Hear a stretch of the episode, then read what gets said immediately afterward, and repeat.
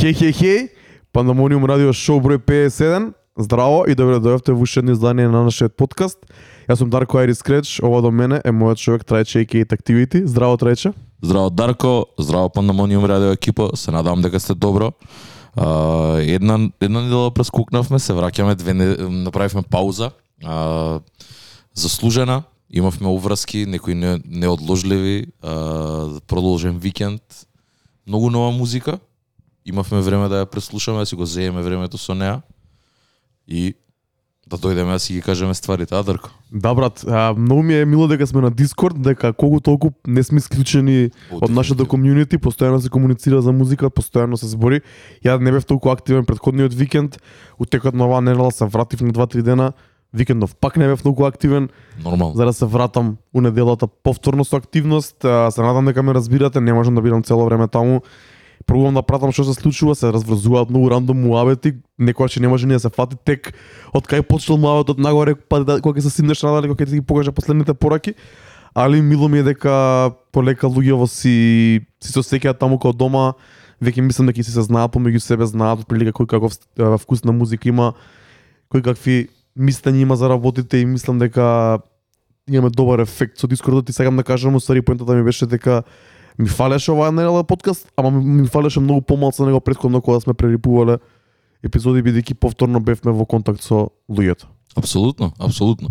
А, интересно беше дека и цело време таму се зборе, се збореше, ама на крајот на денот пак а, сакаме да си ги кажеме стварите овде, пошто и ние, и ја и Дарко некако најкомфортни сме овде, но на, на овие столчиња две онака да си направиме муабе си кажеме тоа што имаме.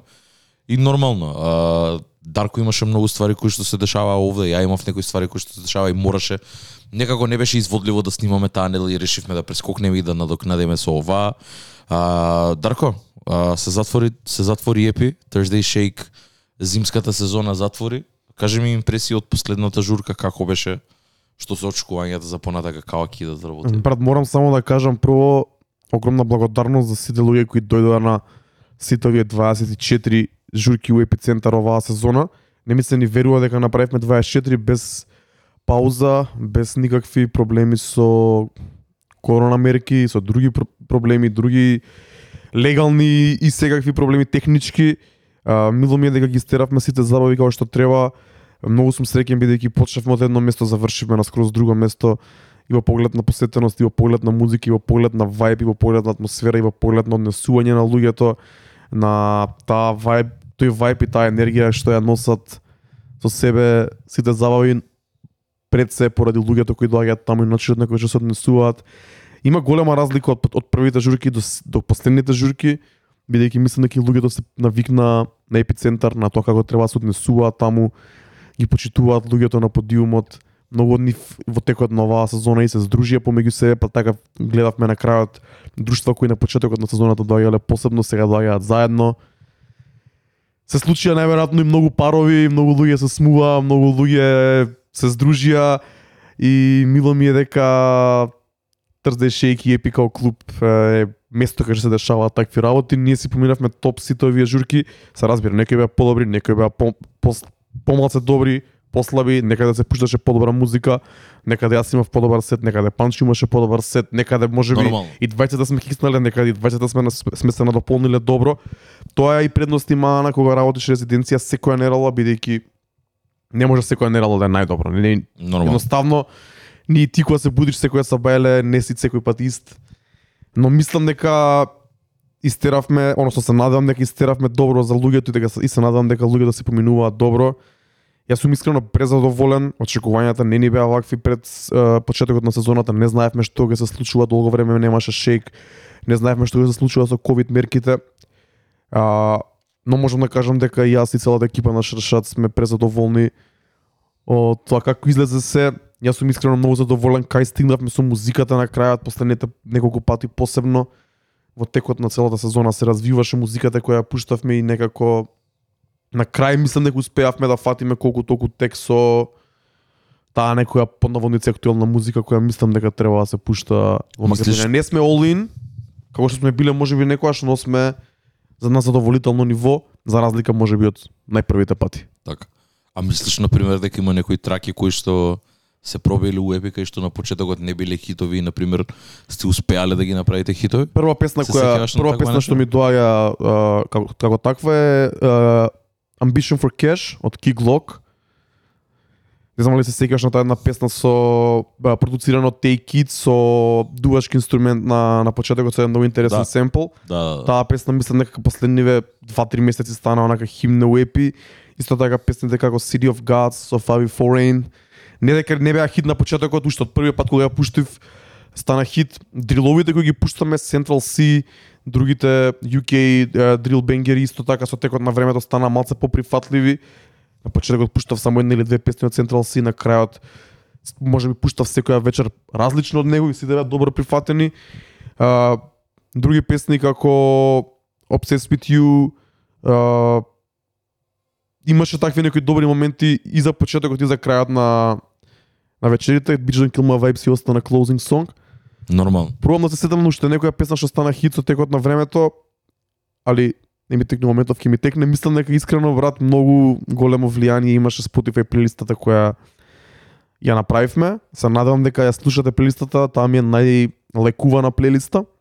И мислам дека таа плейлиста имаше голем ефект за тоа а, за луѓето да се привикнат на музиката која онака да ја слушаат текот на целата недела кога дојдат у епи да не им биде тотално непозната, него да, Да, им биде од семплот, семплот од познат и да може да да Јап. вајбат на тоа. А, Knife Talk се разбира, у старт беше бенгер, немаше тука, нема дискусија од Drake, No Friends in the Industry, Fair Trade, со Travis Scott.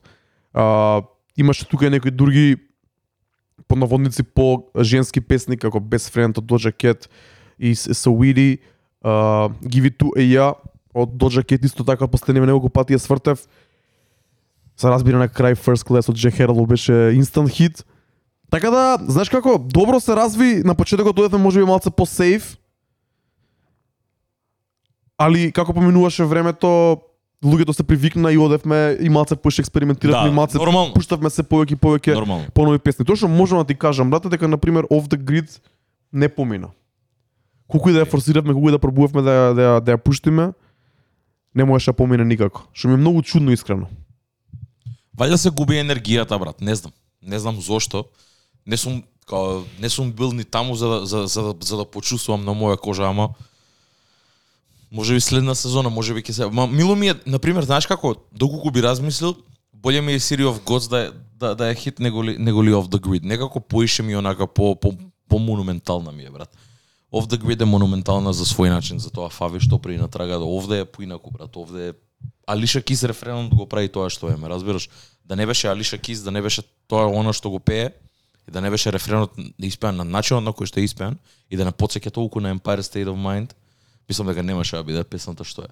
Ме разбираш? Можно е, Дека да, да, да, да. Есенцијата е таа, брат. Ме рефренот онака мислам дека највише највише ја скло, ги склопува тие два дела од песната. Многу ме интересира да ни кажете која песна е потсеќа оваа година на Епи, која песна мислите дека одбележа оваа сезона на Thursday Shake. Имаше неколку такви Diet Coke, исто така ја пуштавме, не е дека стана кој знае мега хит, Да, да, да. али на пример последниот пат дека пуштавме Back to Back со Панчо, ја пуштив и у Prime Time, немаше лоша реакција за, то, за со оглед на тоа дека пуш, беше пуштена во Prime Time, а песната не е толку за во Prime Time, повеќе за почеток или за крај. Исто така морам да го пофалам Оги, нашиот човек, Оги Ипсилон кој имаше closing set на затварањето на EP се покажа одлично.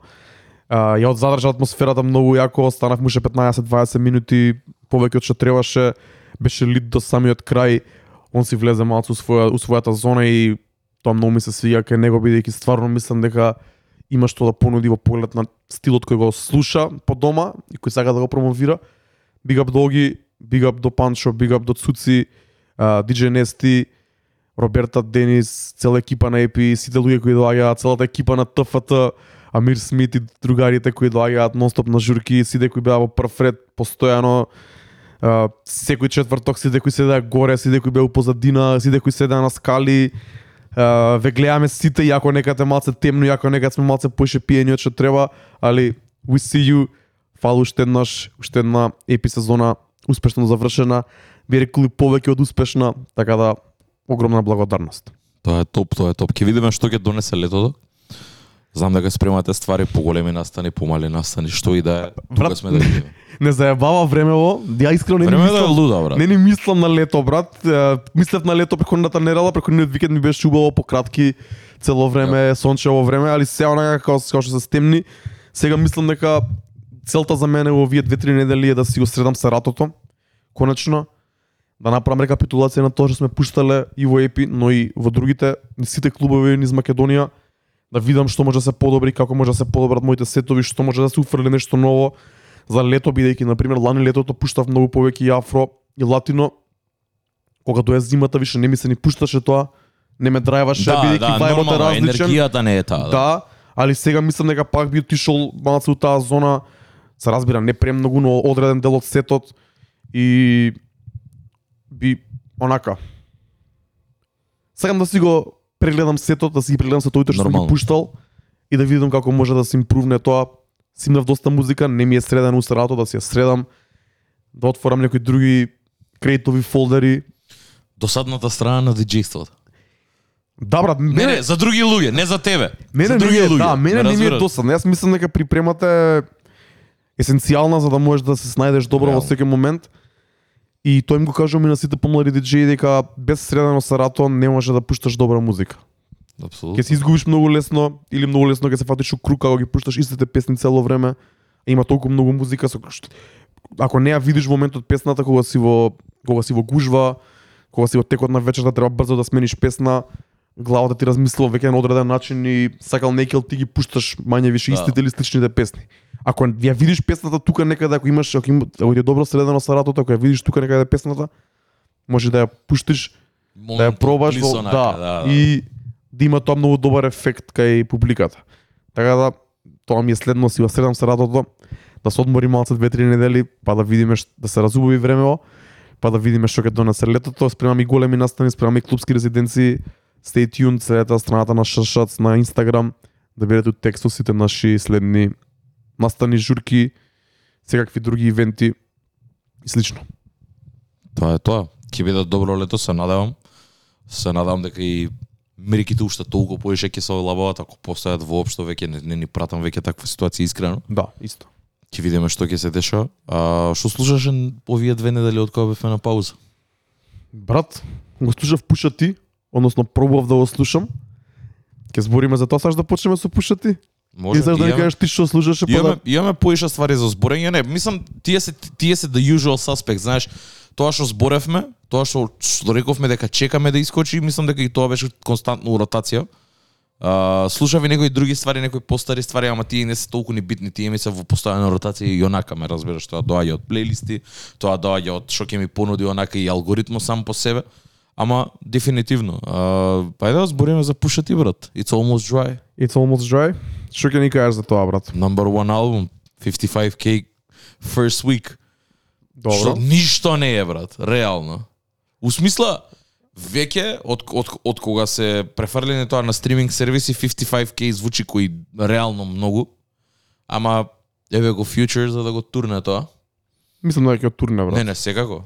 Projected е uh, 200 to 250. За целиот хајп на Пуша ти, е, бројките не don't live up to the hype, али мислам дека и Пуша ти е многу по-ниш uh, Да. артист и по-ниш звук. Тој ми беше и мене и поентата кога зборевме Пуша ти на Дискорд и сегде.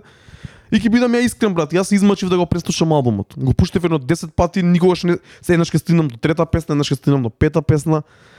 Не ми го задржува вниманието. Ќе ти кажам што сватив преку тоа. Сватив дека уствари за тоа и него рейтам пушати толку високо бидејќи не му ја наоѓам примената во секојдневно слушање на музика. Неговата музика ништо не значи за мене. Јас не станам од сапелица и викам ајде да го пуштам пушати да го слушам. Да, дајат колку ми се свига и во Сарато и вака за да Spotify за укола, ба може би додека трчам или ако ми се пушти не ми смета, да. Интересна беше, ама на пример песната со Jay-Z продуцирана од Pharrell исто така не ми го не ми го даваше тој ефект на Diet Coke ако ми се пушти окей али не би земал сам да ја пуштам Така. и така и се осеќам некако за целиот албум се измачив не ми го не, не успеваше да ми го задржи вниманието не можам да кажам дека е лош албум ама не беше за мене се терав да го преслушам овие две недели стигнав до крај неколку пати ама онака со мачење кој што ми се дешавало за некои други албуми со тоа што на пример Tyler the Creator знам дека воопшто не би ни го пуштил да го преслушам, знам дека не е за мене. Пушат и мислам дека е за мене. Али сега со овој албум сватив дека можеби едноставно толку cup of- за тебе. Да, не е толку за мене. А бројките и другите работи кажуваат дека не е толку ни за многу други луѓе, туку е за одредена публика, негова, а, Да, да. Се слагам за тоа. поодредена публика и поодреден тип на публика од целиот свет. Да речеме по вистински хип-хоп публика која сака малце помодерен звук. Видов дека неговите колеги од хип-хоп сцената го преизнаа албумот, не знам тоа дали е иск, дали искрено, дали е за да го поддржат, дали е за дали е двете можеби, дали е можеби бизнис мув, се едно. Не можам да кажам дека е лош албум, ќе те оставам ти малце подлабоко да го анализираш, па ќе развиеме дискусија за самиот албум. Види, а кој што кажа брат, мислам дека и луѓето општо од она од хип-хоп светот би го нарекол, многу добро реагира, А, на пример дури луѓе ко ко PDD брат онака има ептен На него ептен, им- доб, да. еп, еп, ептен добри зборови за да кажат за за албумот. Ама и сваќам зошто брат, као Unbelievable е директна интерполација на Notorious B.I.G. песна од Pusha T која што а им доби Амин онака од од Puff така да таа релација е константно онака имаат многу длабока врска тие двајци иако и така не изгледа тоа, ама имаат многу длабока врска. Искрено, ја ќе почнам албумот уште кога го пуштив онака мене многу ми се свија. А, од сам од од многу причини брат. Едно, продукциски гледано, продуцирано скоро половина од Кање, половина од Фарел. Мислам дека е пола пола да, точно. ше- 606 ако не се лажам, Да. да. А, половина од од Фарел, половина од Кање, каде што а, се гледа, она јасно се гледа разликата помеѓу двете страни. И многу ми е мило дека денови подоцна, ден два подоцна се појави како уште една уште една верзија на албумот It's Almost Dry, Ye versus Pharrell. Брат, ќе сакав тоа да се инструменталите, искрено. Фер, фер, ќе стигнам до тоа. А знаеш како? Многу се сонично различни за да бидат измешани меѓу себе и тоа тоа ќе ми беше многу боле и многу боле искуство ќе имав за албумот ако доколку прво беа првиот дел беше на Фарел, вториот дел беше на Кање или обратно. Пошто и Пуша сам го има кажано тоа и го гледам тоа во албумов, го гледам дека продуцентите го водат, го диригираат албумот. Ме разбираш дека не е овде само екзекутив продус бе пушати или Кање. Овде е буквално онака влечеле конци брат влеч, влечел Фарел колку што влечел и Кање. Пошто едниот дел бил Фарел, другиот е Кање и на пример Кање неговата продукција е многу онака sample based, а, многу е stripped down, многу е по ти што го велиш тоа вистински хип-хоп, ме разбираш, такво е. Нема нема некои премногу онака грандиозни звуци или нешто такво оставено е на семплот, нај можеби понекогаш се земени онака и дури и, и, и тапаните се земени од самиот семпл, многу е буквално да е колку е вистински пример за тоа, само семплот е ништо друго. И целата продукција е таква, као strip down е, поедноставна е, ама поударна е. Од Фарел на другата страна, поише експериментира со звуци, помелодичен е, поенер, поенергичен е.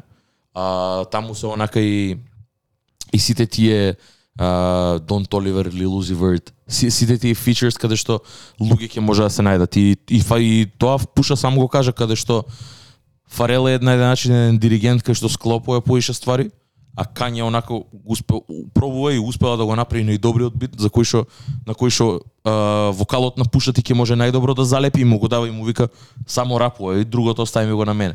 И најчесто на Кање се онака не, не се ко недовршење, ама таква му естетиката ко на знаеш намерно онака abrupt land нешто мене тоа ми се свиѓа брат. Мене тоа ми се свиѓа Одговара за ова. одговара за стилот на Пуша Ти брат, одговара за сите претходни албуми.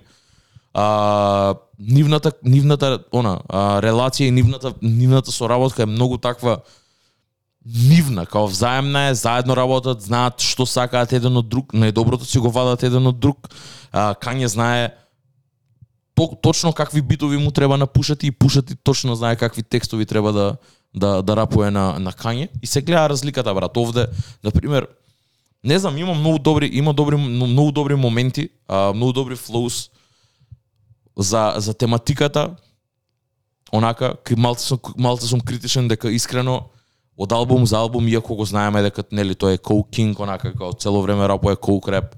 Океј, све тоа, луксуз, луксузен рап, дефинитивно збори за многу ствари, збори за неговиот живот, Но од тој аспект, а, од албум кон албум веќе малце и стагнира, пошто не не дава нешто ново. А, окей, изнајдува еден тон начини како да како да каже дека продава бело, ама а, веќе малце она, ве, веќе го осеќам тоа тој момент на стагнација, каде што не можеш, ме разбираш, не можеш тоа константно да го правиш и да бидеш толку прекреативен кога е едната ед- една едната иста работа. Посебно што на некои песни влагају со првиот стих одма. Да, да, да. Одма колк и добро, Да. и И као сме го чуле ова више брат. Апсолутно. И знаеш како, малце малце на тој начин стагнира, но ако ако ја земеш целата есенција на Пушати, ова е одличен Пушати албум, ме разбираш, феноменален Пушати албум. А, пошто нема нема премногу драми, нема нема дисови, некои сник дисови сам си од сами самиот си кажа дека веќе не чувствува потреба да диса.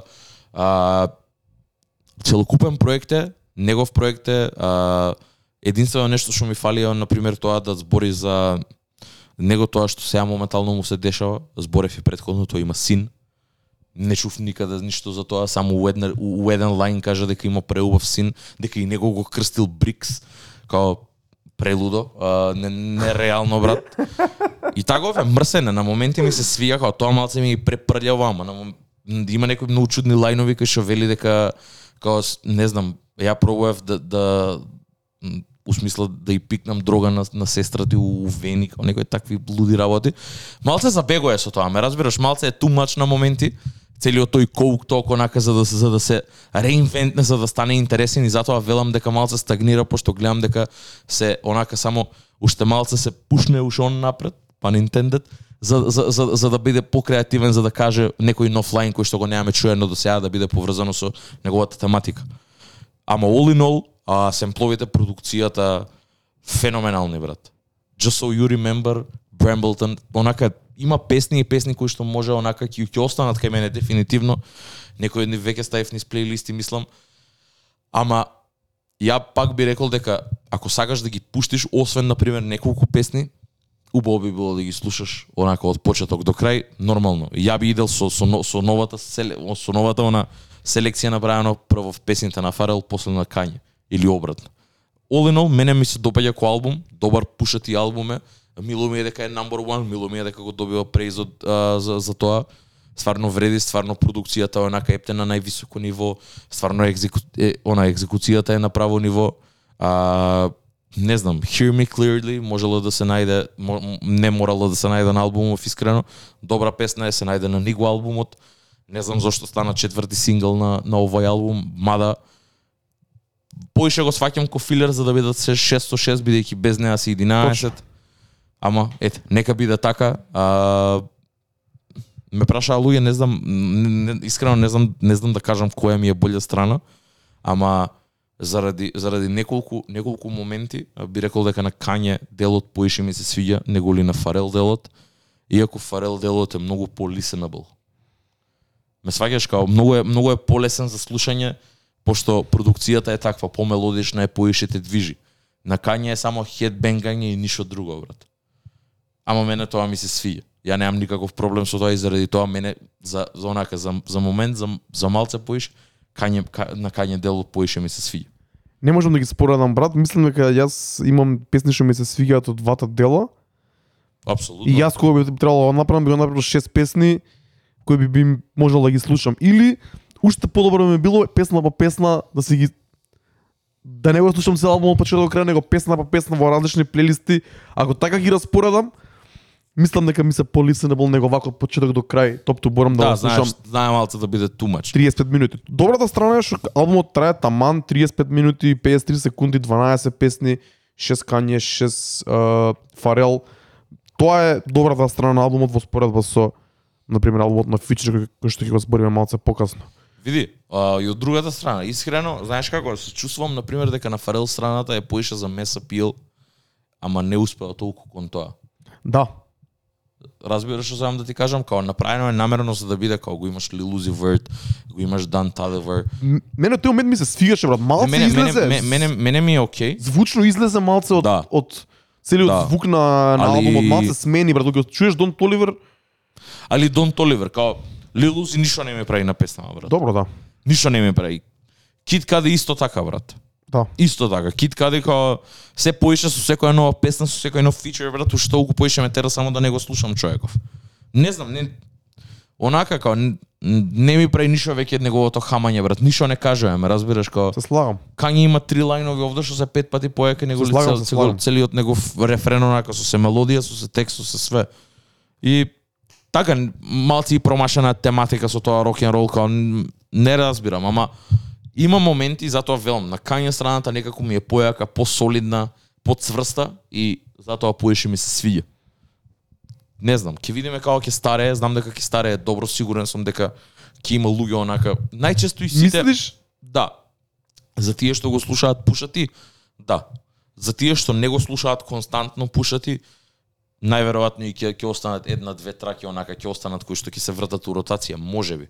Ама за луѓе кои што го слушаат, кои што го слушаат онака а, пуша стварно и кои што му ги сакаат целата дискографија му е слушаат константно, мислам дека овој албум ќе биде за нив онака направен е за нив за таа кор фан база што ќе го врти албумов константно што нема да го пушти. Која песна би одвил како најдобра од албумов? У брат, мене а, Или најдобра од двата дела? Знаеш како? А, има има многу и мислам дека повеќето ми се од накање дено, од, од накање делот, ама Let the Smoker Shine the Coops е феноменална.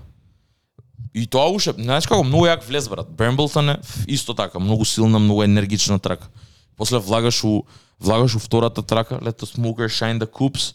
А, и мене реално а, нај нај нај најомилена ми е Just so, Just so you remember. Uh, so, извини. Uh, да, Just so you remember и Dreaming of the past.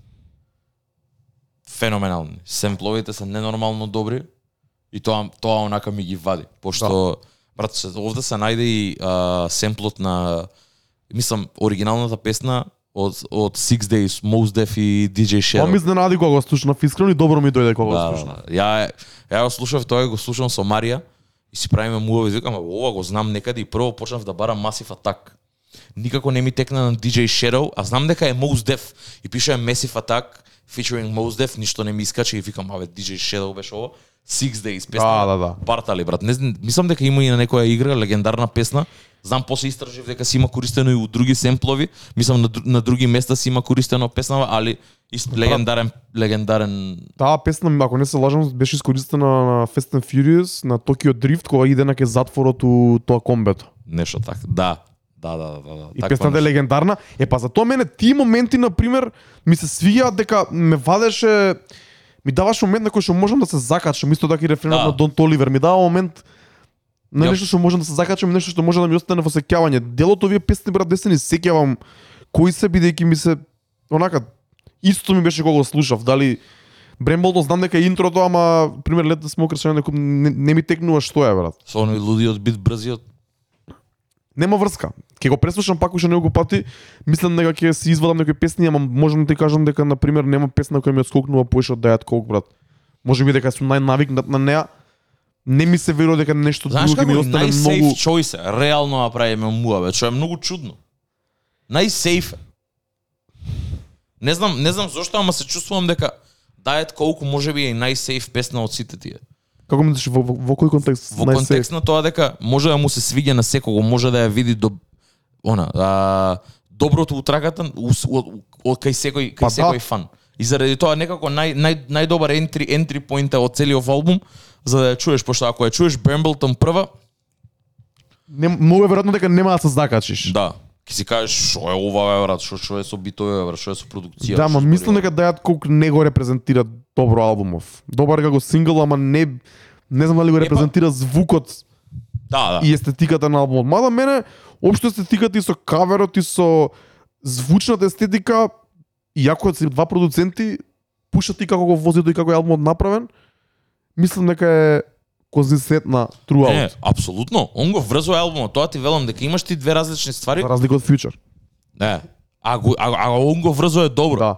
Он го врзува добро, пошто ако приметиш, различно рапува кај кај Фарел, различно рапува кај Кање, брат. Сосема различни флоус, ама таа е таа е дикцијата, таа тоа е неговиот вокал, дури и на моменти го менува неговиот вокал. На, посебно кај Фарел, каде што го има тој сега глупост ќе тресна мама Јанг Таг момент каде што малце го менува онака октава подоли или октава погоре и го користи ко дури и ко мелодија самиот негов вокал за да за да за уште еден за уште еден слој низ музиката.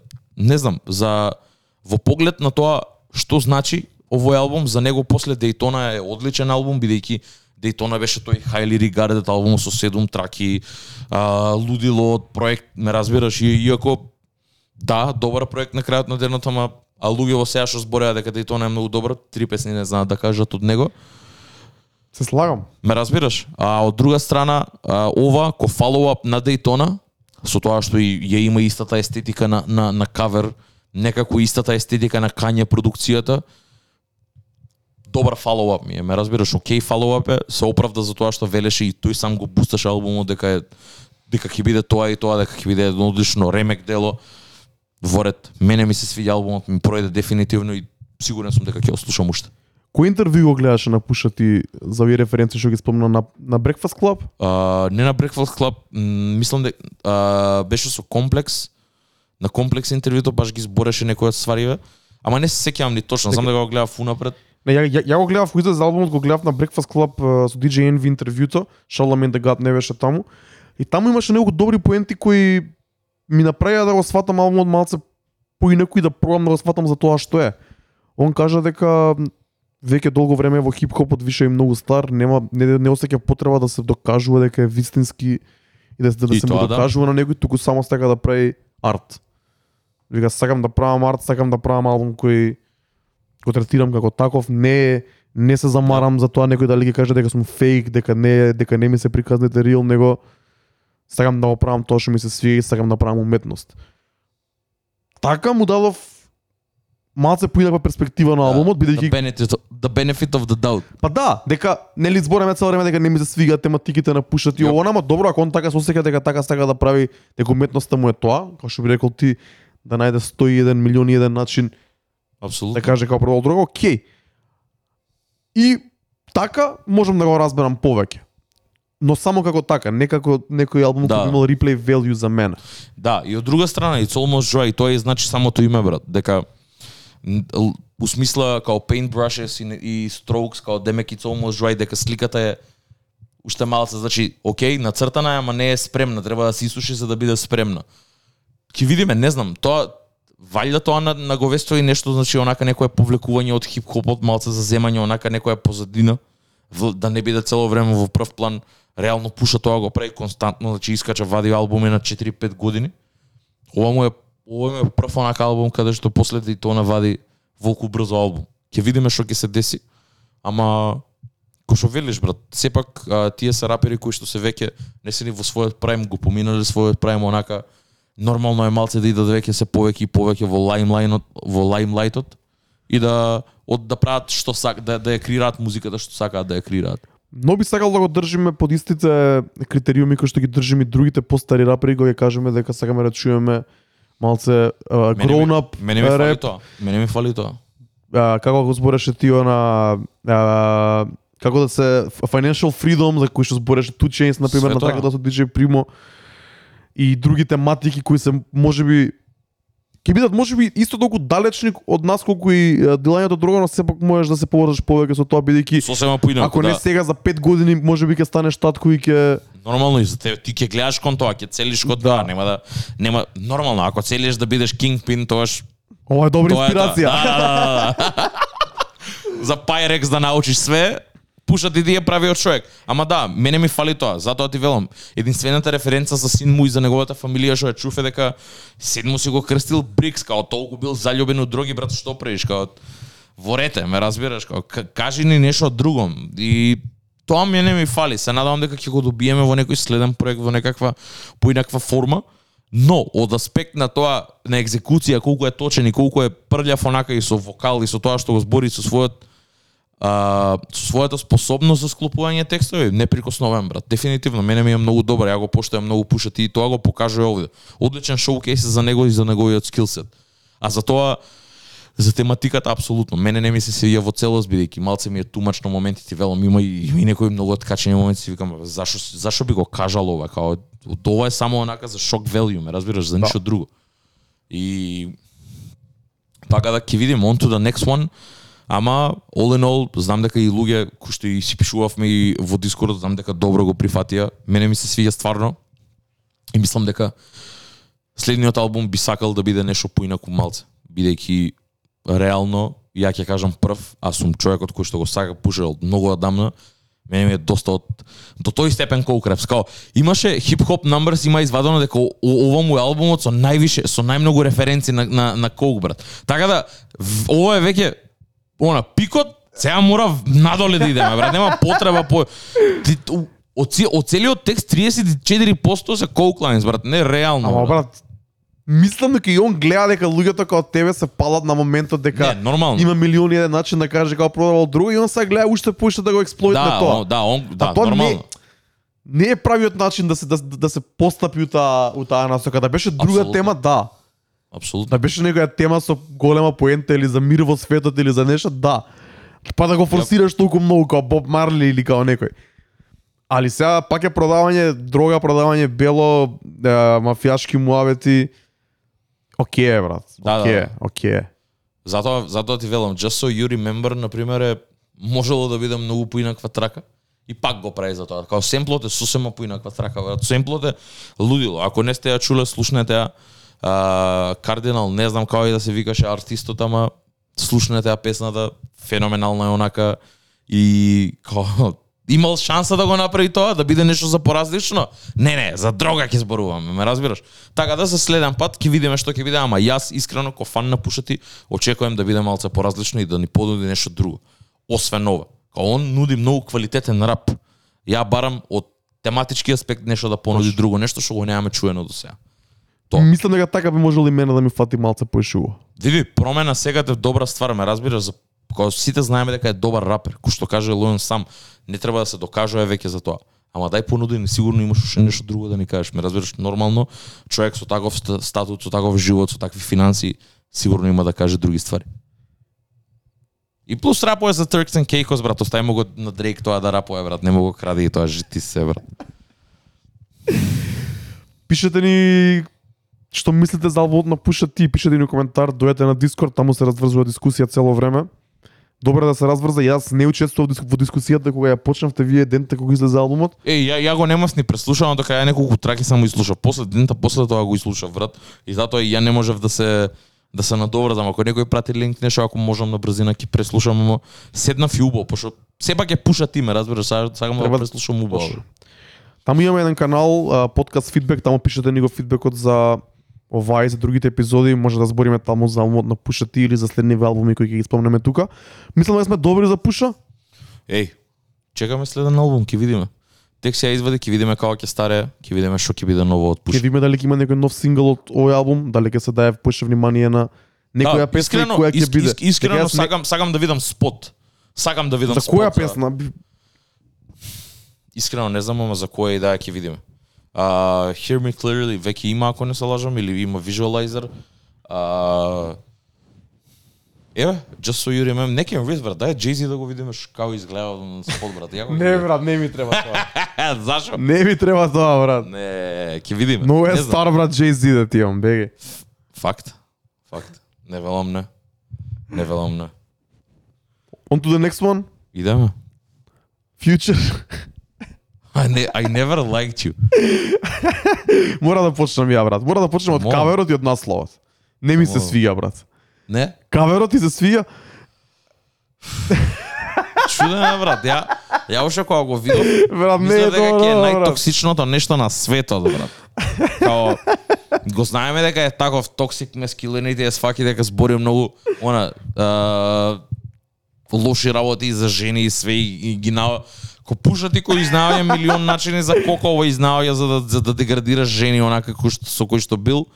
А, не знам, луте брат. Фьючер е иницијално лейн онака не можеш со него, не можеш со неговата енергија. Значи со не не можеш да се поврзаш со него со тоа што го збори. И уште кога го видов, I never liked you, онака како го чувствувам дека е поврзано дека Апла Апла збори за некој друг, дека директно се збори, знае он за кој збори, знае за кој не сакал, не дека збори во множина, туку знае една личност за која што не ја сакал.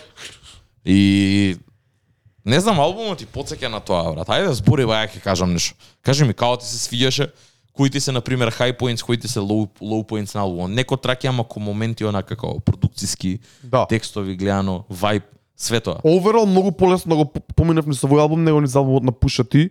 Го слушав и у позадина кога излезе у петокот. Си седев по дома, нешто си работев на лаптоп, се бањав, с- албумот ти течеше у позадина, немав никаков проблем со тоа. Тоа што не ми се е, допаѓа е должината на албумот. Баш денеска извадија уште шест нови песни, брат, односно вчера вечерта, не знам како. А, сега во моментов на албумот на Spotify има 22 песни, трае саат, а, саат време и 5 минути. Најдобра песна од првите слушања ми е ми беше Puffin on Zuris и Wait for You со Drake и Thames. Е, можам да кажам дека од првите слушања повеќе ми се свигаше тој vibe и future како што е на Puffin on Zuris и некои други песни, значи тој многу енергичен future што го зборевме на песната со Kanye West Keep It Burning на првите слушања не ми не ми легна толку, може би бидејќи го слушав во позадина. Overall, како звук и како тематика е тоа што го очекувам од Future, ништо повеќе ни ништо помалце. Едноставно Future албум од 2022 зборевме и пред тоа дека немавме некои преголеми очекувања и Јоп. мислам дека е баш според очекувањата мид Па, реално. А, знаеш како? Има има неколку има неколку high points, има неколку low points, ама не знам, мене на пример high point ми беше и самиот сингл Keep It Burning со Kanye West, пошто а, има еден момент кој што ми се но мене многу свиѓа општо у музиката. А, и као ќе го ќе го споредам со со еден филм. А, Dunkirk, не знам дали го имаш гледано, ама исто таму, музиката у позадина на филмот онака те држи цело време кога да иде кон некое крешендо и никад не стигнува таму. И си у константно онака цело време те држи на нозе а, и не знаеш кога ќе се деси онака крешендото, кога ќе лупне. Исто е ова брат. Само рапуваат двајца без без, без престан онака, а битот цело време иде кон некаде, ама никад не стига и никад не дропнува, нема брейкдаунс, нема ништо, ме разбираш и као дури и кога има се прекратки.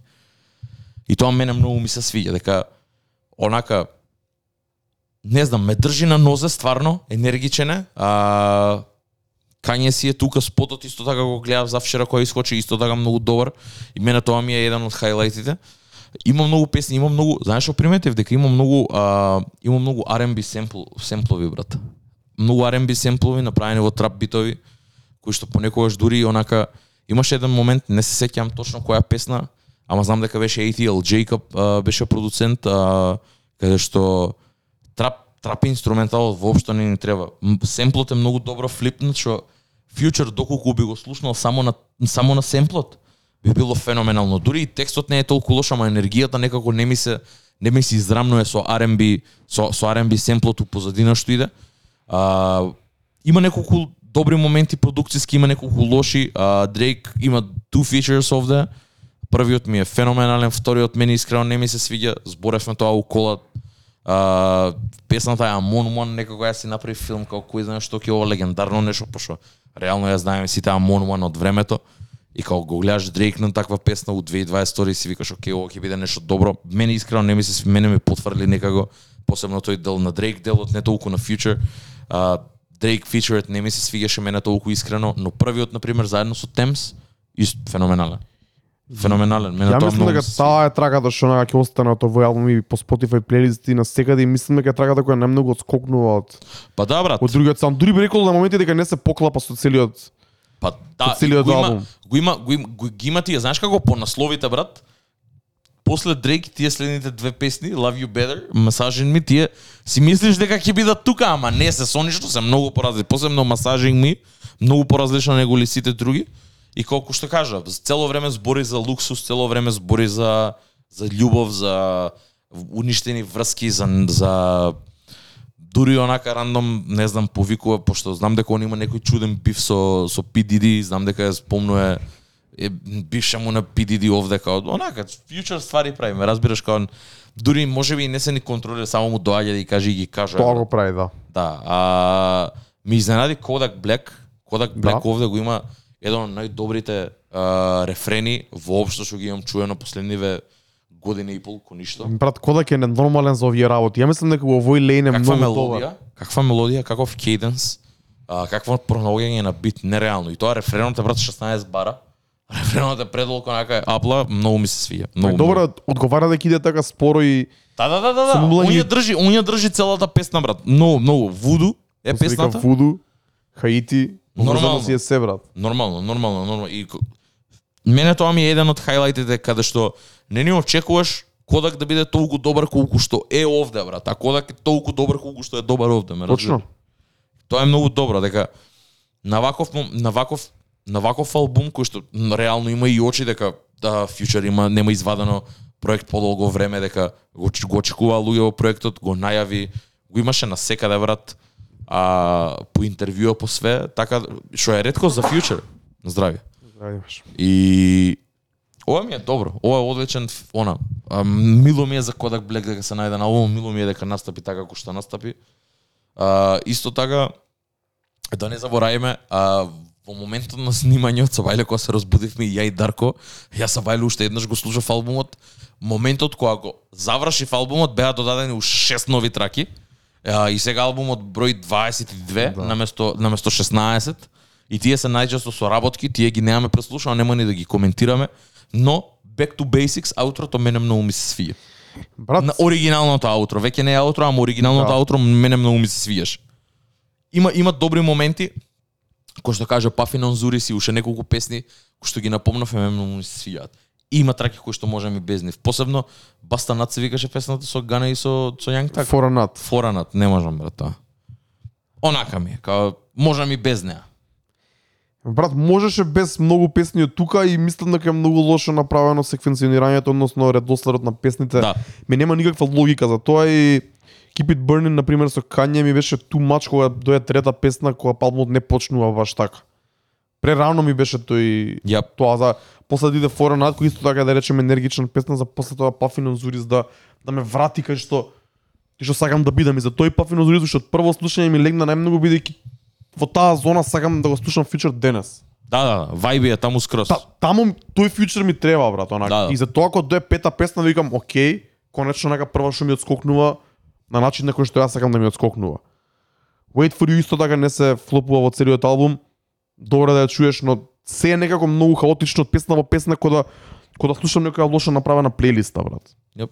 Да, да. Се, Лошо склопена плейлиста без никаков редослед во неа. Слагам. А, а, а рачуне дека има неколку само продуценти овде, као Не е до продукцијата, брат, до, Не, не, до не. стилот, до стиловите на кои фьючер се стиловите кои фьючер ги одбира да ги искористи за овој албум. Дека он знаеме дека може на секаков стил да да рапува и на повеќе да звучи добро, ама овде мене тоа ми е многу хаотично. да, хаотично нема- ми е енергијата, сакав не да- ми е конзистентна енергијата низ целиот. Да, сакав да кажам дека ги нема тие the usual suspects, онака како голем дел од продукцијата е на ATL Jacob, а, може би за луѓе кои што продуцираат музика поише се разбираат, сигурен сум дека поише се разбираат, ама ги нема тие, она the usual suspect, ги нема Метро, ги нема има Уизи на нели две Да. песни, друго не знам што е. Така да не знам, а, ќе видиме како ќе легне овој албум у неговата дискографија, пошто реално последниве неколку проекти Wizard и предходниот албум High of Life а, не, не, не допреа толку многу до неговата фан база, брзо забораени. А, има онака има неколку неколку моменти кои што си викаш, окей, да, проаѓа, ама пак се брзо забораваат. Нема ништо онака Точно. Memorable. Точно се слагам, брат. Нема. Има неколку песни кои што ме посме... подсеќаат како се викаш она а, нема да ми текне сега, ама знам дека ме подсеќа на на тие постарите. Има само една таква која што ме подсеќа на тој постариот Future 2015-2016. Ама не знам дали го барам тој фичер денеска. Не, не, ама ако, ама као подсеќа на тоа, ме разбираш, таму е сосема друг со сосема друга енергија. Ја искрено не, не ни знам како фьючер сакам, појма немам. Фьючер го немам слушам многу одамна.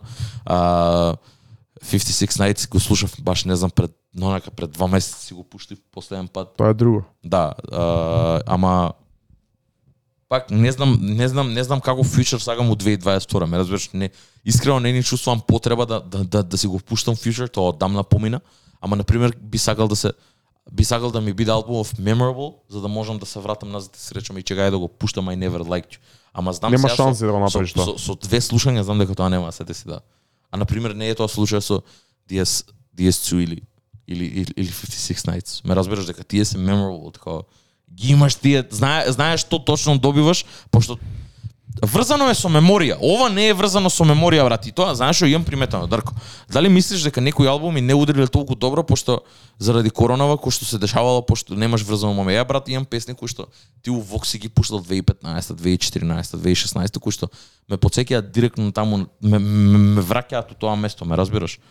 Имаше многу албуми кои што беа квалитетни, кои што беа имаше бенгери, ама пошто немаш не можеа да се пробијат ко такви, тебе не ти се вржени во меморија онака како Не знам, можно е. Може би малце. И не Јас велам не. поинаку, јас па многу музика слушав, посебно во 2020 година кога фати короната, многу албуми преслушав и мене и тие албуми ме потсекаат на тоа време, али тоа ми е за мене убаво време бидејќи имав бев, имав многу слободно време да преслушувам длабоко албуми Тоа е тоа. и да откривам нови артисти, така да сите тие албуми, како албумот на Pop Smoke, како албумот на Lil Uzi, дабл албум беше брат. Да, ама ти си од обратната Гана, страна. Да, јас сум од другата страна, тоа Што е. ја не, не ти, ти искачаш цело време, а ја не искачам цело време и за мене, кога ќе чујам некоја песна која што сакам да ја чујам и е во клуб и си до, про, до, до, поминам добро, за мене е тоа memorable, ме разбираш, тоа е меморија.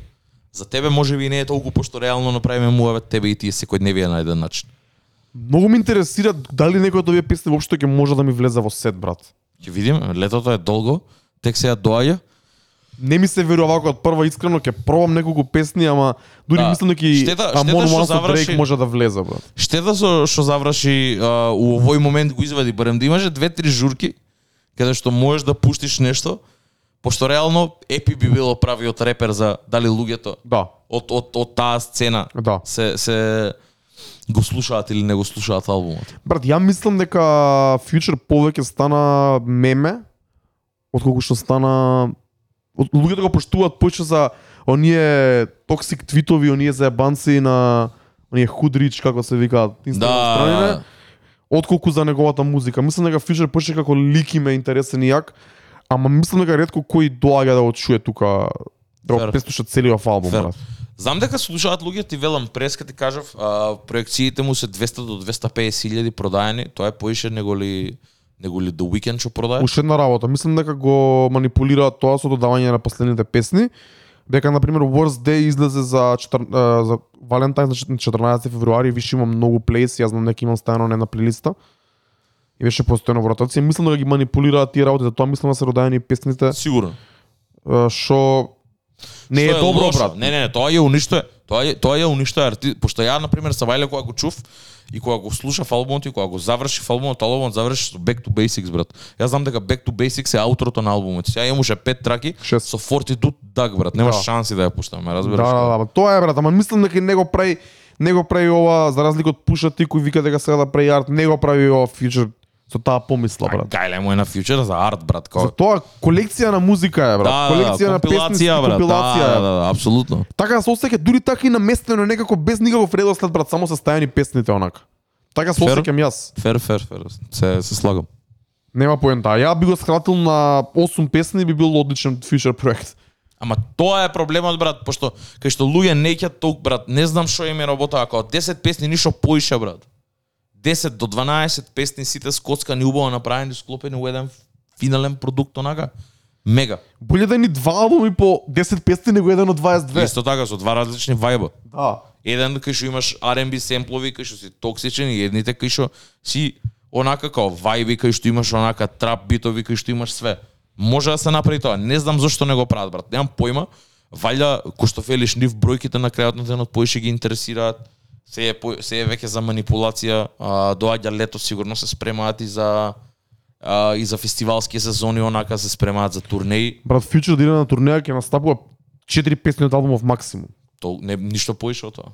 Ништо поише Така да може да иде 8 Пак песни ќе од тие настап, 4 пак ќе настапува со стари микстейп песни и со хитовите брат. најголемите хитови гостувања, брат. Јап. Тоа е тоа е големата разлика што онака добиваме имаше многу добар коментар на Дискордот, не знам од кој, ама има толку многу музика у денешно време за да се враќаме и да слушаме медиокр музика, брат. Јап. JD Aerodrome. Quote that. Значи The Aerodrome, The Hot Take, Да, King. да, да, hot taking. А, многу добра, многу добра поента. Стварно немам време за медиокр ствари. Апсолутно. Јас за мене ќе кажам дека пуша ти за мене медиокр и не, ми, Фер. не ми вади никаква емоција. Боле ќе се слушам нешто афро, него со сила да го слушам са пуша ти Јап. over and over again. Например, интересен момент ми е дека го се вратив на албумот на Бернер, Готи, Делукс, кој излезе на почетокот на оваа година, Делуксот, мислам дека оригинал. Кажи им Дарко. Во кола ми е брат, он тој албум си го пуштам со кејф додека си возам кола да ќе на пазу, си го слушам топ ту барам, го слушам цел. Да, бе, брат. Јас затоа ќе кажа, јас затоа кажав уште тоаш дека Хери Фрод и Джим Джонс ми го има еден од најонака најдобрите албуми за таа година, пошто највише уживав у тоа, брат. Као ја пуштам Laps Around the Sun и толку заборавам на свет друга, брат, си ја пеам, си, си свиркам и се шетам низ станци, правам работи. Не чувствувам никаква тегма кога ја слушам музика, брат. Тоа е тоа брат. Ме Имам прави, ми вади убаво чувство, вако, у душава ми буди, брат, позитивна енергија. Боле ќе слушам тоа него да слушам Нормално. сила 22 песни од Future брат, од, од, од албумот. Ќе си распоредам 5-6 по плейлисти и Па тоа е тоа. е, не, не, не, не, не, не ги прават, не ги прават за да бидат слушани во целост, ме разбираш? Не ги прават за тоа, ги пласираат само ко синглови и мене тоа многу ме нервира, брат. Многу ме нервира пошто ако е микстейп, ако е 56 Nights, окей, тоа е дозволиво. Ако е Ама не, ама и тие е албуми се по- И тие се по-конзистентни Да. него ли? Да. Така да ќе видиме. Не знам. А, сигурен сум дека ќе му успее албум, сигурен сум дека ќе направи многу голем баз, дека ќе го врати онака, ќе има ќе има ати плейс, ќе има и све. Ама онак, знам дека и многу песни од албумот се прибирани од други артисти каде што онака како конкретно и Keep It Burning беше на Донда па ја тргна од Стен Плеерот, па се најде овде на албумот, па песната со Гана и со Па Так баш исто така. тоа не звучи добро албумот брат дека се Да, да се прибирани песни, ме разбираш, као Future сигурно со работа и дава 16 на милион луѓе дневно, ме разбираш. Да. Кој знае колку снима човеков. И као, окей, ми се свиѓа ова, ми се свиѓа ова, ми се свиѓа ова, си има аудио инженерија, ова ни е добро за албумов, ова ни е добро. И на крај се губиш у сосот, брат, ме разбираш, се, Се губи, слагам. се, се губиш у тоа колку ти што сакаш да постигнеш, пошто ако ако имаш албум кој што се вика I Never Liked You, тоаш знаеш за конкретно кој избориш, зашто а не го добиваме тоа. брат онака е стаја насловот и онака е направен каверот. каверот. дека е тотално рандом, да ја сликне ме овде у количево, ме разбираш? Тоа? Лававо, брат. Ништо, брат, ме разбираш? Ништо. Ништо. И ми се свиѓа, знам дека знам дека Future дека многу луѓе го сакаат Future, uh, Future и мене многу ја ја го искрено го сакам брат, као еден од ретките трапери покрај на пример би рекол 21 Savage кој што стварно искрено го сакам и го поштојам, разбираш? Kodak Black исто така. Ретки се тие брат. Ама не е веќе тоа тоа, ако бидеме реални, ме разбираш? Не ни Абе, сакам да зборам вака за Future кој што зборам сега. Не ќам. Ама то, тоа е Објективни вистина. сме, реални сме брат. Нема не Тоа е, тоа е вистината. Ја мислам дека и он сам би се сложил брат. Не, не би се сложил токсичен еден. Кој знае што ќе каже кизета гомна брат еден тон. Абе, Абе гледав- не е он толку так толку на тој начин токсичен кој што е целата стигма околу него создадена на интернетот Да, брат. он, и- ама и он тоа си го прави, го вози филмот сигурно. го вози брат. филмот, да, он го вози филмот уште од времето со Lean, со Dirty Sprite. Не ни Уште од времето со Сиара. последно време кажа дека не, ни- не ни пиел толку Да. толку лин онака као. И пак збори за Лин сега у песния.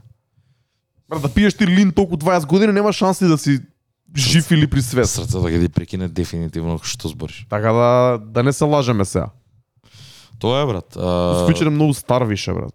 Не е не е млад Сите трапер. се стари брат кога Не, Future многу стар почна.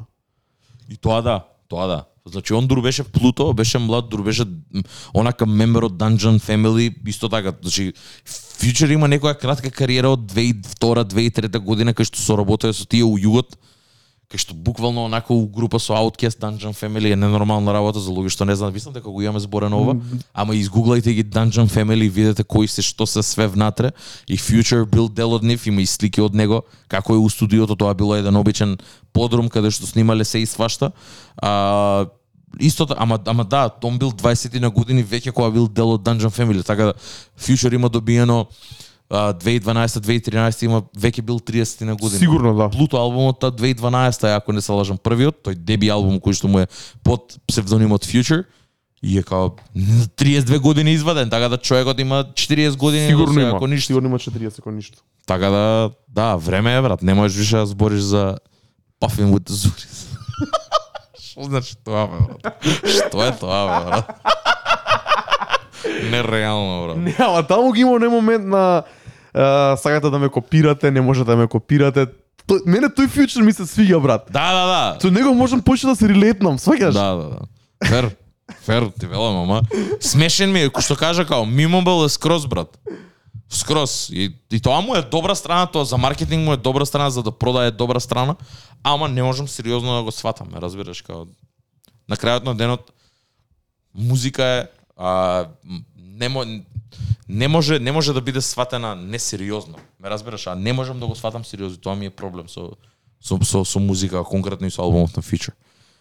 Не знам, ќе видиме, се надам дека за брзо ќе извади нешто, само да видам кај иде. Ама Сега не да видам кај иде. Дај нека ни дава по некој фичер од време на време, кај Дрейк, кај 21 Savage, Треба кај уште еден, уште еден албум, уште еден албум им треба со Дрейк брат, мора. Треба не да знам се што ќе понудат сега брат. Сега Дрейк треба да ја води работата. Десети на песни. Да, тогаш беше фю, тогаш беше Future на What a Time to Be Тоаш Alive. Дрейк отиде во светот на Future. Отиде во. Атланта, отиде во Magic Апсолутно. City. Сега треба сега треба да се вратат, сега да- треба да идат кај Дрейк онака и треба да Треба да ја трксен кейкос па да видиме што- која магија ќе се деси Yes, таму. sir. Ќе видиме. А, ете, Джек Харлоу беше, ќе видиме сега албум вади. Ќе видиме што ќе се деси. Еј, тој албум го чекам. Искрено сега за сега не сум задоволен од овие два проекти кои ги добивме. Овие два проекти нема да ми бидат во ротација. Мене лично Океј, солидно добивме некои проекти, ама не е тоа тоа. Да видиме Джек Харлоу и Кендрик Ламар што ќе ни донесат во следните две недели. Да, мислам дека ти поеш за за за Джек него ли за Кендрик. За Джек сум возбуден, од Кендрик не знам што да очекувам. И ќе ќе оставам, да, ќе да. оставам чисто онака да да го преслушам да видам. Не, не, си оставам ја просто ја де, ден од работа ќе земам за за Кендрик да го преслушам. Сагам да видам брат, као сагам да видам што ќе збори. Сагам да видам што значи целата онака, онака пошто знаеш и за луѓе што не знаат, пишував текст онака огромен за за сите за трите албуми кои што ги извади. Ја наречов на- ја нареков трилогија, иако не е сама по себе трилогија, ама сакам да видам кај ќе иде онака уметнички, пошто веќе почнаа малце да се опуштаат, Day Free кажа што значи што значи PG Lang, значело Program Language. Пак не знам што значи тоа, ме разбираш како тоа поише било ко маркетинг агенција каде што не е ни поише не, не е ни лейбл, туку е поише ко маркетинг агенција каде што имаат еден целокупен а, вадат продукти од ad campaigns до се живо и диво, па дури и до дистрибуција на музика. И ќе видиме. Има добар ростер, сакам да видам што ќе прави, ама сакам да го видам и последниот албум од ти, за TDE што ќе го изведе онака да видам на со што ќе си заминал таму, пошто реално и многу време помина брат. Ќе видиме. Доаѓа време, ама прв е Джек Харлоу и искрено возбуден сум за тоа, сакам да го слушам, сакам да видам што ќе каже човекот. Да видиме во целост онака што има да каже, пошто беше твитнал дека има само легенди на неговиот албум. Многу ме интересира што значи тоа. Добро, верувам дека има. Предпоставувам дека има. таков е студентен на играта, мислам дека и нема да ги има, знаеш, она нема да има, кога ќе каже легенди, не, не, не мислам на, на овие новите, ќе ги има и овие новите, ама сигурен сум дека ќе има и некој стар фичер, онака од артисти, кои што тој ги сакал и ги она, на еден Сигурно. начин ко, ко мал во 2008-2009 кога почнал, ги идолизирала сигурно со од раните 2000 или од 90 Брат, и тоа мислам дека е на сите. Ќе се ќе се префрлиме на третиот албум. А, за многу луѓе можеби би, непознато онака бидејќи реално човекот малци и фелофна а, последниве неколку години. Екшн Бронсон на албумов има една песна каде што вели дека дека сака да сака да да направи песна со Питбул. Албумот се вика Кокодрило Турбо. А, албумот е 10-10 песни. А, не знам што прави. Човекот е на други стан кон, константно. Од не знам, не знам од што му е, не знам што други се ова што го пред, предизвикуваат ова, ама преекспериментален станат со музиката. И дури и малце онака премногу и за мој вкус. И кога искочи, а, го преслушав албумот во целост, го слушав са бајле пак пред да дојдам. И само се го потврдувам тоа. Има неколку моменти во кои што уживам, повеќето не уживам иако е краток. Ама на пример, знаеш како, од 10 песни имам 4-5 што ќе ми останат. Продукциски гледано, албумот е многу добар, туку онака он а, на, на, на моменти ми е much со тоа што а, флоуто не ми е таму. Порано беше многу потрадиционален во флоуто, сега малце знае да забегува со Цело време со, свое, брат. со, свое, со своето деливери. Сега го, сега, го, сега го чувствувам до тој степен каде што и за мене е можеби премногу. А јас сакам рапери која се офбит. И албумот ми беше интересен, интересен за слушање, има добри семплови, има добри песни. А, Hound Dog онака интрото феноменално, има многу добар многу добар инструментал на почетокот и после тој продолжува Conway the Machine овде да звучи многу поинаку него ли што звучи на негов албум. Многу вокалот му е некако изфилтриран, многу му е пригушен, намерно е направено за да се вклопи во целата во целата а, во целата естетика на албумот. А, Estaciones со Hologram, Hologram исто така а, беше и на претходниот негов албум Only for Dolphins. Исто така многу добар фичер, многу до, многу добра песна. Сите песни се добри сами за себе, ама знаеш како? Не е нешто што би можел casual фен и дури и на Action Bronson да го да го слушне. Еве ми интересира конкретно ќе ми, ми текне онака на двајца на тројца луѓе кои што го слушаат Action Bronson. Меѓу кои нашиот човек Кирил, знам дека е огромен фан на Action, баш ме интересира и ќе го прашам што што мисли онака за Action, пошто а, не дека е лош албум, ама не го чувствувам ко албум. Поише го чувствувам ко колекција исто на песни и кои што се исто добри, што овие ми се многу подобри него, и многу поуживам у ова да го слушам него ли фичер, пошто таму се мачам овде не се ни мачам, ама пак онака ми ја нема таа есенција на албум, ми го нема ми го нема тој вајб кој што го имаше онака кој што ги имаше претходните негови албуми, пошто претходните негови албуми беа стварно комплетни дела онака со интро, со аутро, со скитови, со интерлудови. Све имаше внатре и потсекаше стварно, имаше неколку хитчиња. Онака интересен беше, ме разбира. Ова веќе, ова веќе ми е малце поинаку. А, и ќе видиме, ама на пример Mr. Wonderful имаше песна хит песна со со Chance the Rapper Baby Blue имаше онака некои моменти кои што прави имаш deep cuts овде немаш простор во 10 траки која е албумот и немаш простор за такви ствари а, немаш толку многу многу попрецизен можеш да бидеш и овде на пример Action проблемот со Action ми е дека не е толку многу прецизен и ќе видиме како ќе биде тоа нема нешто мене многу премногу да се задржувам на него пошто претпоставувам дека многу луѓе го немаат ни слушнато И мислам дека не е релевантен за повеќето луѓе апсолутно кои слушаат општо хип-хоп и Ама, општо музика. доколку сакате нешто малце поекспериментално, а, со продукција на Alchemist, со продукција на Рок Марсијано, а, со продукција на Derringer, доколку, доколку ви значат тие имиња, можете слободно да го слушнете албумот и онака да чуете нешто и онака од по, по, по би ја нарекол по левата страна на, на па и дури на Нью Йорк хип-хопот, пошто Action Bronson е буквално онака ембаримент на Нью Йорк хип-хоп. Има многу Нью Йорк ток во него, ама на, на крајот на денот пак е на left field. Ако сакате нешто по Нью Йорк имате многу други ствари, меѓу кои Гризелда, ама овде на пример дури и Conway е онака шепнат за да биде за да се за да се најде на албумов, ме разбираш. Така да all in all окей проект, ама не го раз не го гледам кој албум поише се ми се ко 10 траки едно по друго. А, и се надевам дека екшен малце ќе се соземе онака ќе почне да креира Знаеш како да Нема се соземе, да се соземе во, во, во смисла каде што ќе може да направи еден full body of work и да биде конзистентен од од од цел аспект from top to bottom со интро со све. А, пошто на пример Blue Chip 7000 е феноменален проект сите негови други проекти ми се исто така многу добри и се константно во ротација и ден денес. А, па дури и неговите микстейпови. Blue Chips ненормални. Ама ова за прв пат ова го велам а, или и Only for Dolphins не ми беше толку лош. Не дека е лош албум не дека се лоши песниве само не ми е ко албум не ми е концептуално ко албум не можам да го замислам така го поштеен фактот дека негови се него, негови се каверите он ги прави последно во последно време исто беше из Only for Негов Dolphins негов е каверот он ги прави он ги гледам, многу добро изгледаат. Кокодрило Турбо, Only for Dolphins и White Bronco. Исто и Lambo Over сите се негови брат Тој не ми се поклапа со естетиката Да, на неговија, ама сите други се се тука некаде, ме разбираш, тоа е многу добар момент, ама многу други, стварно многу други, многу психоделици. А, и ќе видиме, ќе видиме кај ќе терamo сега за сега. Ова не ме не ме толку многу потсеќа на албум, поише ме потсеќа онака како на колекција, како на кратка плейлиста од 10 нови песни од Action Bronson. Искрено нема ни да земам да го преслушам, брат. Не, не, Нема да имам ни трпение, нема, нема, нема, да ми се свија. свија, брат. Нема да нема да свија, свија дефинитивно. Тоа е за луѓе кои што би сакале да слушнат нешто поинакво, би сакале да чујат некоја поинаква продукција, чисто да да се почувствуваат и они до кај си и што си дали може да извибрираат со тоа. Ме разбираш, не е дека е нешто кој знае што дека мора да се чуе. Ја го слушам дека Action Bronson дека што и да извади Action Bronson секад би го чул онака заљубен сум човекот кој артист, многу го сакам, му ја сакам целата онака естетика, онака Целата тоа што го приказна, прави, да. целата приказна и, и све тоа, многу ми се свиѓа, многу го поштојам кој човек и заради тоа и го слушам, а не дека нешто ми дава нешто што немам чу, чуено до сега. Секад има интересен начин, секад да, да каже нешто, има интересни референции,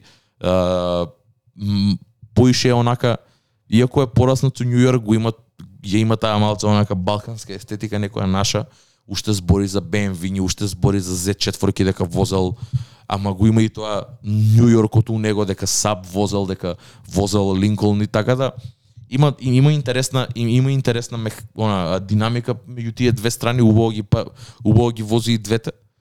И мене тоа ми се свија кај него на пример, а во поглед на албумов конкретно ништо не носи ново на масата него ли што имало до сега. Така да ако доколку го сагате да слободно преслушајте го, нема да ако ако го слушате екшен нема да зажалите, ама ако не сте фан на екшен и сакате да чуете нешто ново, може а и не мора да ви се свија. Толку имам да кажам. Океј, фер.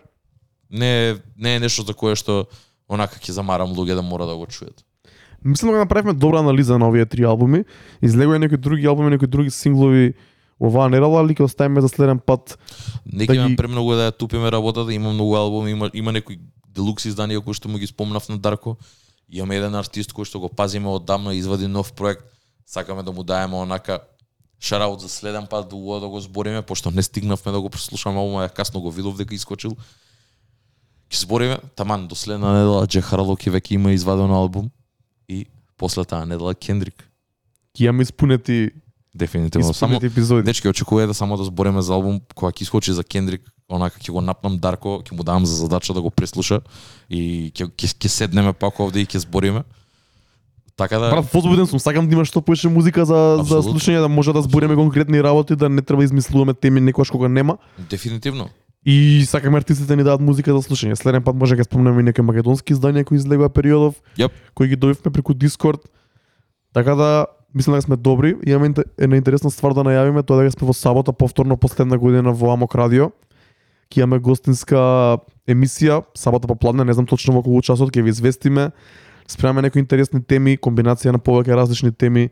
Каже ќе збориме во малце поинакво издание, повторно во живо, одамна не сме биле во живо. И очекувате поише инфо за тоа. Јап, ќе можете да се ставите у коментари, ќе збориме, ќе ги читаме коментарите. Ќе збориме на одредена тема исто така ќе гледаме да а, исто ко претходниот пат кој што правевме доколку не гледавте. Ако не сте не гледале, можете да се навратите. Уште емисијата уште стои на нивниот YouTube канал. Така да огромен шараут за за Амок радио екипата и се гледаме во сабота. Да. Тоа е тоа, Пандамониум радио шоу број 57. Пишете ни коментар, дојдете на Дискорд, пишете ни на Дискорд. Се слушаме у сабота, па повторно се слушаме на нашиот канал следна среда. Поздрав! Чао.